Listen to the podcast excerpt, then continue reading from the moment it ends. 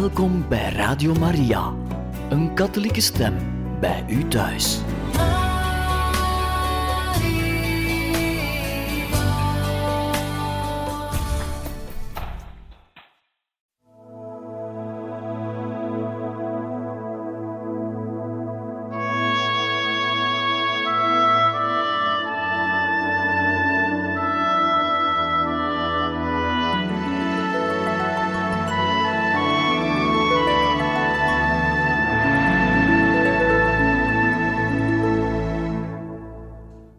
Beste luisteraars van Radio Maria, welkom in het programma Heiligen Getuigen, waar wij u verder zullen voorlezen uit het boek Wij worden geboren om nooit meer te sterven, het verhaal van Chiara Corbella Petrillo. We zijn bezig in het hoofdstuk 3 met als titel Niets onvolmaakt. En Chiara en Enrico hebben net vernomen dat de zwangerschap van hun tweede kindje, dat het ook een zeer gecompliceerde zwangerschap zal worden. Het jongetje is ook uh, gehandicapt, want het zal geen beentjes hebben. Ik lees verder. Als tegenhanger van het vieren van het leven was er de terugkerende beschuldiging die naar voren werd gebracht, na de ontdekking dat Davide Giovanni niet zou blijven leven. Het was de oude en kwaadaardige aanklacht dat de zonde van de ouders terugvalt op de kinderen. En dat, als God geen genezing schenkt, dit te wijten is aan het feit dat degene die erom vraagt niet ten volle gelooft. Dat de ziekte van Davide Giovanni dus de schuld zou zijn van Chiara en Enrico. Wie ons daarvan beschuldigde, deed dat niet te kwader trouw, maar jammer genoeg geloofden ze er echt in, herinnerde Enrico zich. Een magisch geloof, moeilijk om te vinden. Het is er een waarin jij het geloof leidt. Je gebruikt God om Hem te laten doen wat je wil. Je denkt echt dat God zich daartoe leent.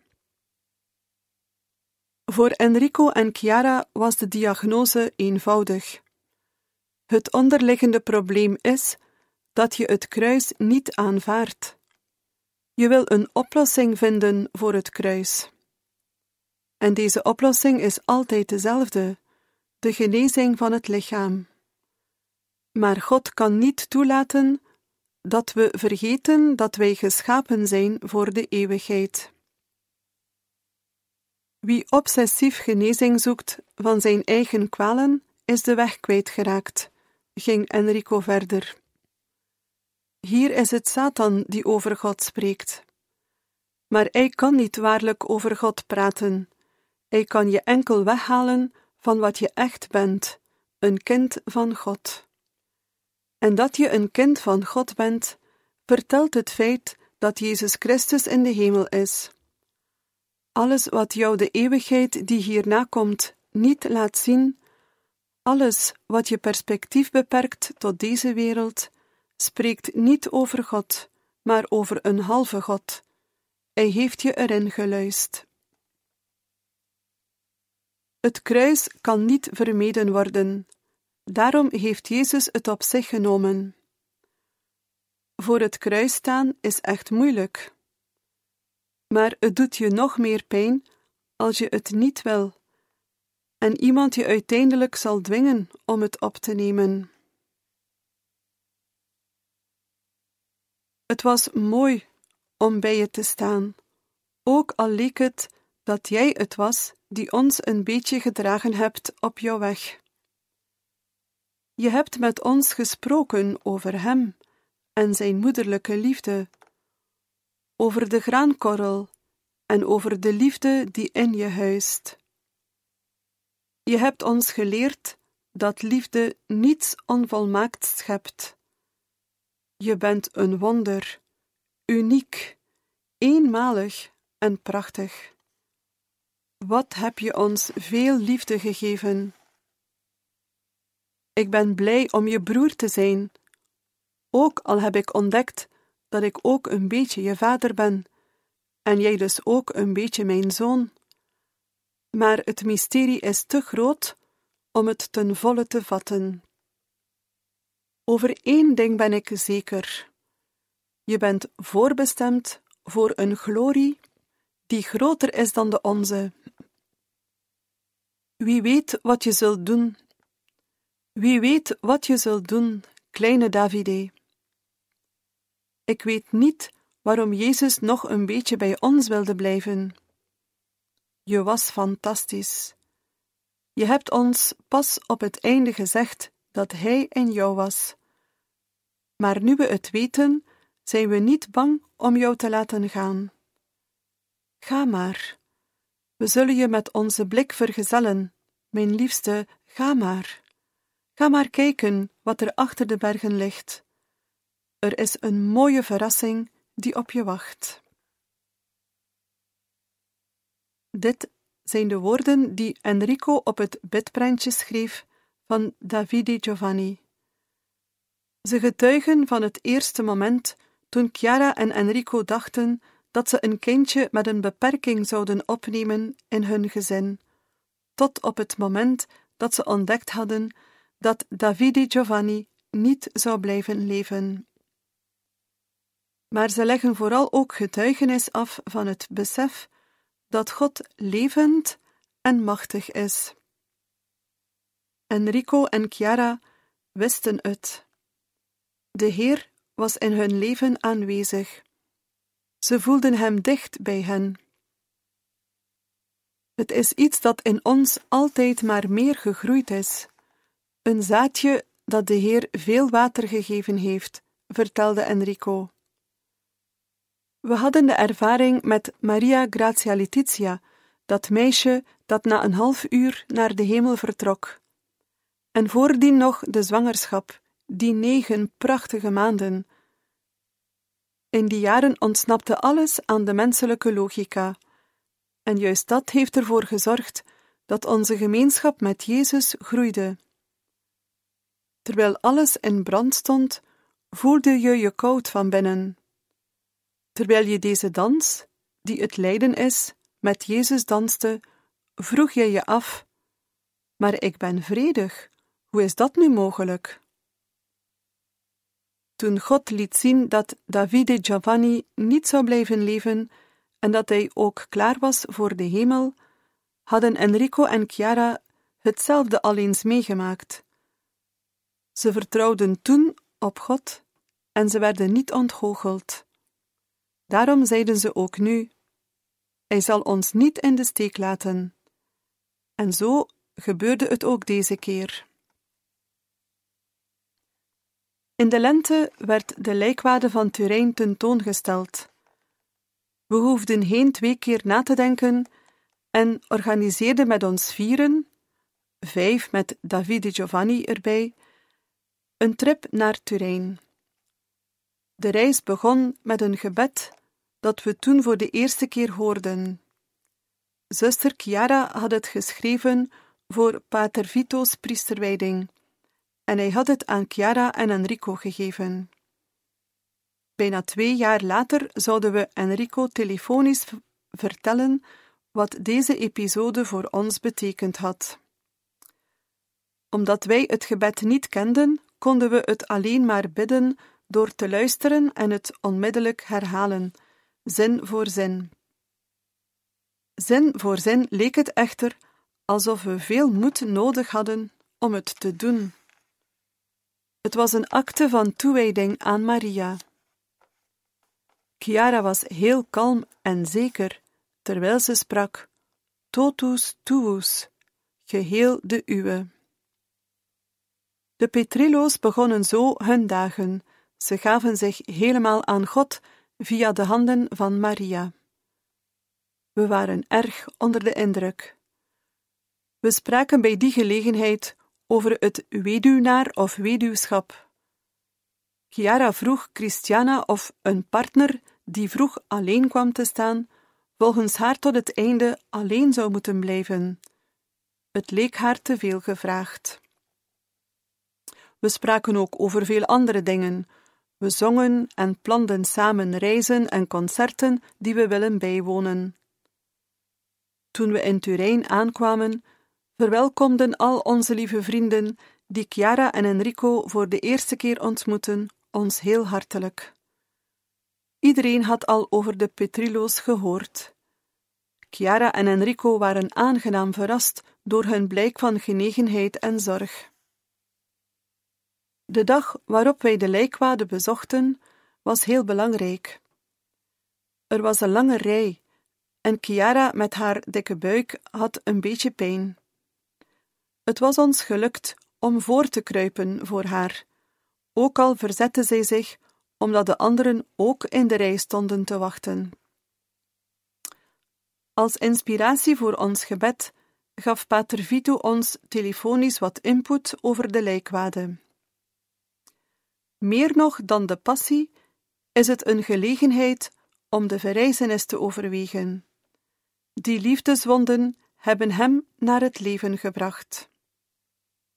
Toen we bij de lijkwade aangekomen waren, waren we sprakeloos.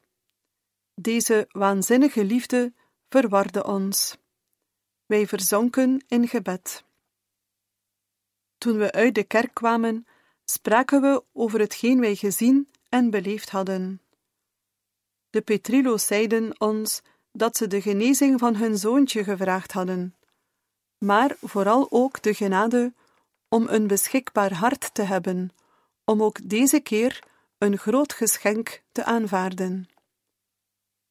De handelingen van de apostelen zeiden dat de schaduw van Petrus volstond om iemand te genezen. Hier hadden wij de schaduw van Jezus. Die wonden veranderd zien in een venster moedigde hen aan in hun beproevingen. Het herinnerde hen aan wat ze al meegemaakt hadden, en het bereidde hen voor op de volgende stap.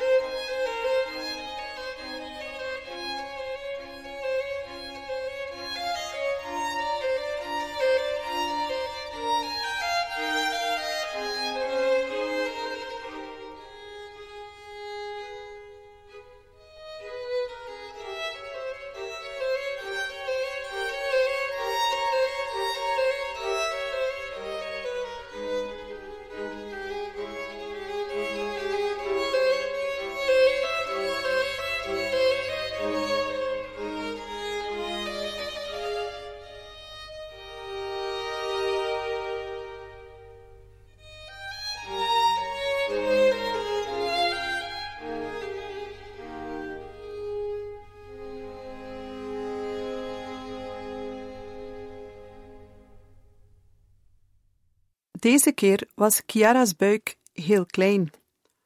Op de echografie was het kindje steeds minder zichtbaar door het weinige vruchtwater. Ook deze keer was het nodig om de bevalling te plannen. Davide moest ter wereld gebracht worden en dat mocht niet te lang wachten. Ze vreesden complicaties. Voor haar was er het risico op infecties. Voor Davide Giovanni was er het risico dat hij zou sterven in de baarmoeder, of dat er een moeilijke bevalling zou volgen, aangezien hij in stuitligging lag. Daniela wilde er koste wat het kost bij zijn. Zij voelde dat dit opnieuw iets groots en moois zou worden. Chiara van haar kant voelde dat God haar en haar echtgenoot in het laatste anderhalf jaar op een wonderlijke manier had bijgestaan. Daarvoor kon ze alleen maar dankbaar zijn. De artsen met Daniela wilden de bevalling vervroegen. Zij spraken erover met Chiara en Enrico op 23 juni.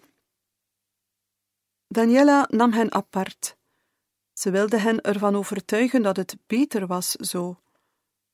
Zij zochten gegronde en overtuigende redenen waarmee Chiara en Enrico zouden kunnen instemmen. Maar Chiara's blik was sprekend en overtuigd. Zij wilde wachten. Ze wilde de dag niet zelf bepalen. Als ze dat wel zou doen, dan zou ze haar zoon een stukje van zijn weg kunnen ontnemen, een stuk waarin de Heer haar en haar echtgenoot had gevraagd om met hem mee te gaan. Toen ze weggingen, was er niets beslist. Ze zeiden dat ze opnieuw zouden moeten samenkomen. Daniela keerde gespannen huiswaarts. Die avond vond ze pas laat een beetje vrede terug, rond middernacht, toen ze Chiara een berichtje stuurde om haar te zeggen dat ze haar overtuigd had. Ze zouden het doen zoals zij het wilde. Ze zouden samen wachten op een teken dat aangaf dat Davide Giovanni's tijd voltooid was, net zoals het ook gebeurd was bij Maria Grazia Letizia.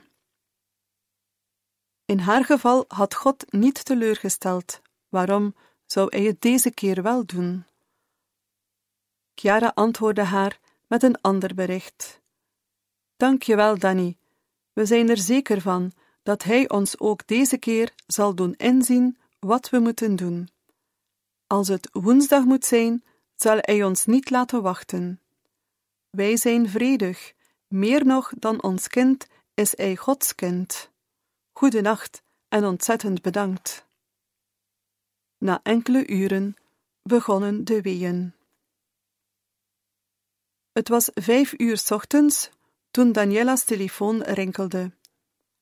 Het was Enrico die zei dat het moment was aangebroken. Afspraak in Fate Bene Fratelli. Toen Chiara aankwam, had ze vier centimeter ontsluiting. De weeën waren nog onregelmatig. Enrico en zij hadden nog tijd om naar de kapel van het ziekenhuis te gaan om te bidden. Daniela verwittigde intussen het hele team. Verbazingwekkend genoeg was het exact hetzelfde team dat een jaar eerder had meegeholpen bij de geboorte van Maria Grazia Letizia. Deze keer lieten ze hen zonder tegenwerking doen. Toen ze in de verloskamer kwamen, had Chiara sterkere weeën. Daniela overtuigde haar deze keer om oxytocine te nemen en een epidurale te krijgen. Ze wilde dat alles de manoeuvre van de bevalling zou vergemakkelijken. Ook wij kregen een telefoontje van Enrico. Het leek ongelooflijk, maar Chiara was om zes uur ochtends in de verloskamer. Wij pikten Vito op en legden de weg van Assisi naar Rome in een oogwenk af. Enrico informeerde ons stap voor stap over elke verandering. Deze autoraces met Vito vroeg in de ochtend leken een ritueel te zijn geworden. Enkele honderden meters voor het ziekenhuis, aan de Lungo Tevere, stond het verkeer stil. Enrico had net gebeld om te zeggen dat Davide geboren zou worden. Er was een moment van paniek. Pater Vito moest er zeker zijn voor het doopsel. Simone, die gewoonlijk heel kalm was, zei hem: Laat een bromfiets stoppen en vraag of hij je een lift kan geven. En Christiana zei onmiddellijk: Maar wat zeg je nu? Pater Vito had de autodeur al open gedaan om de eerste bromfiets die passeerde te laten stoppen. Een absurd scenario. De man in het zadel keek hem verdacht aan. Ciao, er is een vrouw in het ziekenhuis aan het bevallen. Het kindje zal niet lang leven en ik moet het dopen. Kun je mij een lift geven tot aan de Isola Tiberina? De man mompelde een ja, dat weinig overtuigd klonk. Hoe heet je? Francesco. Perfect, zei Pater Vito glimlachend. En zo zagen we hem wegrijden met zijn wapperend habit tussen de verwarde gezichten van de andere automobilisten. Deze keer was de kinderarts al op de hoogte van de situatie. Hij wist dat de ouders verlangden dat het kindje gedoopt werd. Ook Davide Giovanni was klaar. Maar Chiara voelde zich niet klaar. Pater Vito sprak met haar en zegende haar, en vanaf dat moment daalde een nieuwe vrede over haar neer. Toen Davide geboren werd, werd hij in stilte verwelkomd. Daniela vroeg om hem aan zijn moeder te geven, en terwijl hij nog vasthing aan de navelstreng, omhelsde zij hem heel teder. Mijn zoon, mijn schatje, fluisterde ze hem toe. Het was een kindje dat aan het sterven was. Alles gebeurde in stilte en in een ontroerende tederheid. Tussen Chiara en haar kinderen was er een speciale band. Zij openden voor haar de weg naar de hemel. Welke geheimen hebben ze uitgewisseld? Chiara, Enrico en Davide Giovanni bleven alleen. Zijn hartje trok samen en breidde uit naar een steeds bredere ademhaling, die langzaam de angst voor de dood en het lijden van het leven verdreef. Het was tijd dat Pater Vito binnenkwam en hem kon dopen. Ook de grootouders, een paar familieleden, wij, Simone en Christiana en andere vrienden mochten hem leren kennen.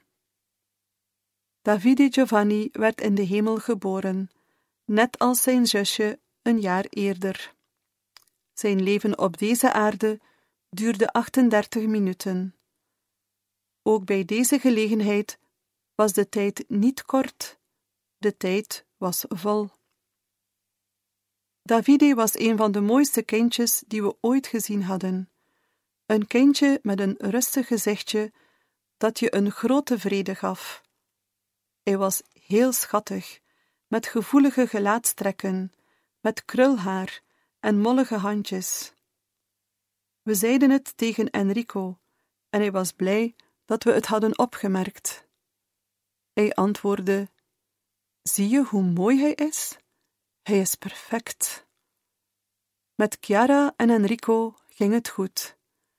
En hoewel hun ogen glansden, waren zij gelukkig en getransformeerd door die liefde.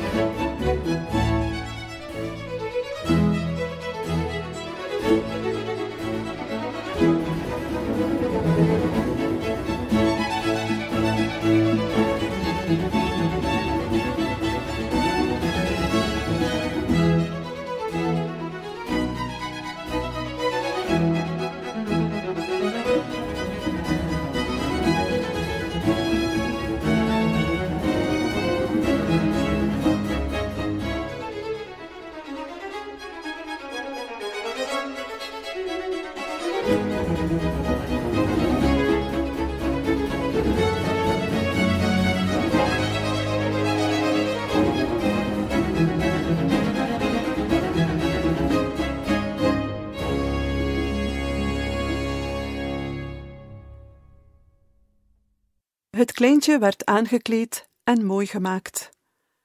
Enrico deed hem een touw, een T-vormig kruis om de hals, zoals hij ook voor zijn zusje had gedaan. En daarna daalde hij nog een keer de trap van het ziekenhuis af met zijn kindje in zijn armen en hij droeg hem naar het mortuarium. Omdat er geen risico's op complicaties waren, mocht Chiara deze keer onmiddellijk naar huis. Nauwelijks twee uur na de bevalling stond Chiara al buiten met een fles catorade in haar hand. Ze maakte grapjes en glimlachte. Ze was vredig en vol vreugde, omdat ze haar zoontje had leren kennen. Voor de geboorte vroegen Chiara en Enrico zich af hoe het deze keer zou zijn, zo vergelijkbaar met wat ze al beleefd hadden. Ze ontdekten dat het anders was, net zoals de liefde voor elk kind anders is. We wandelden uit het ziekenhuis en zeiden tegen elkaar: Maar hebben we nu echt net onze zoon welkom geheten? Elk moment dat we met hen doorbrachten, vulde ons met hun liefde. Onze gelaatsuitdrukking was heel vreugdevol, vertelde Chiara. Als ze over haar zwangerschappen en bevallingen sprak, deed ze altijd alsof zij en haar echtgenoot ze op fysiek vlak met z'n tweeën verwezenlijkt hadden. Wie bij hen was of hen gehoord had op die 24 juni, de dag waarop ook Pater Vito zijn verjaardag vierde, kon getuigen hoe blij en dankbaar zij waren tegenover God voor de schoonheid waarvan ze opnieuw hadden mogen genieten. Het was 26 juni. Dezelfde maand, dezelfde kerk, Sant'Angelo in Pesceria, van Maria Gratias Letitia's afscheid. Op de begrafenis van Davide Giovanni waren er nog minder mensen. Terwijl ze hun weg volgden, werden hun vrienden en kennissenkring opgeschoond. De aanwezige mensen waren bijna allemaal nieuwe reisgenoten. Na het getuigenis in de kerk van Santa Francesca Romana had God Chiara en Enrico veel andere vrienden geschonken.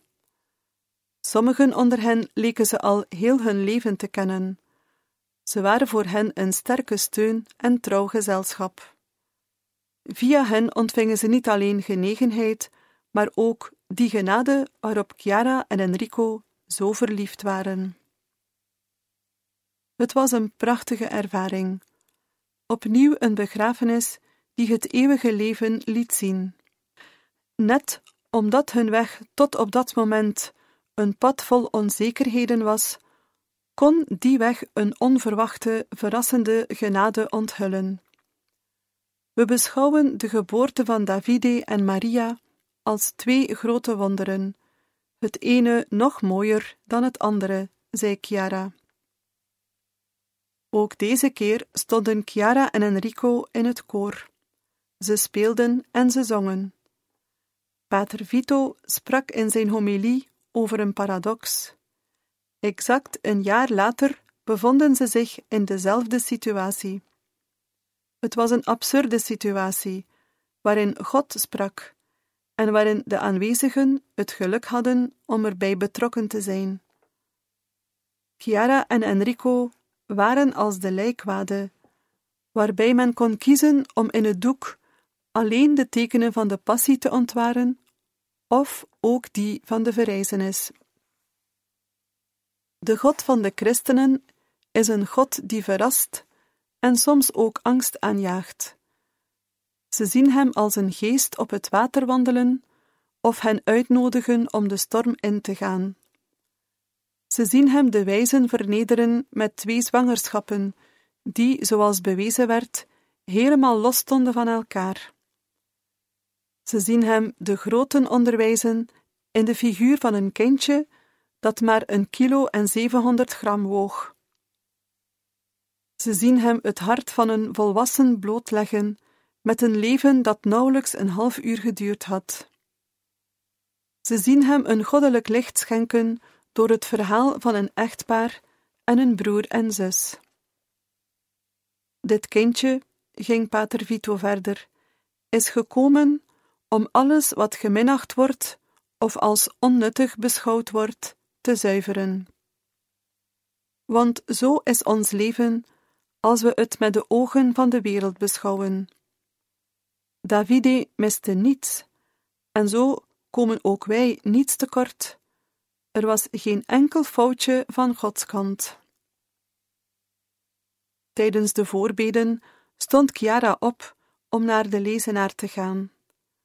Ze bad voor de moeders die aanwezig waren, voor hen die al moeder geworden waren, maar ook voor hen die het nog zouden worden. Ze vroeg aan de Heer om hun missie te verlichten. Dankbaarheid, tranen, vreugde, troost.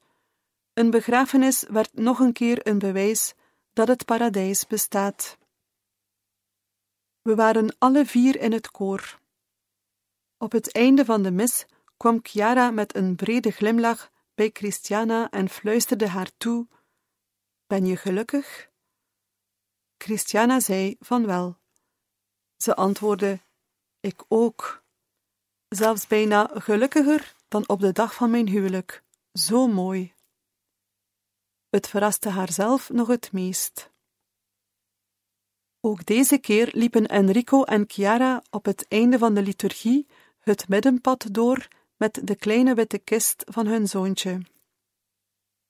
Terwijl ze hem buiten de kerk droegen, passeerden ze een affiche die naast een foto van Davide Giovanni weergaf wat God in het hart van zijn jonge ouders had gewekt, namelijk dat het belangrijkste doel van het leven is om bemind te worden. Het belangrijkste is niet dat we iets doen, maar dat we geboren worden en ons laten beminnen, vertelde Enrico. Het doel van het leven is ontdekken dat wij geliefde kinderen zijn, en dat schenkt vrede. Vrede zij met u, zei Paus Franciscus. Het is geen groet, zelfs geen eenvoudige wens. Hij geeft werkelijk een geschenk, de kostbare gave van vrede die Christus aan zijn leerlingen geeft na het passeren van de dood en de onderwereld. Wie zich laat liefhebben door God, ervaart vrede. Beste luisteraars van Radio Maria, wij beëindigen hier voor vandaag het voorlezen uit het boek We worden geboren om nooit meer te sterven, het verhaal van Chiara Corbella Petrillo. Wij danken u heel hartelijk voor het luisteren en graag tot een volgende keer.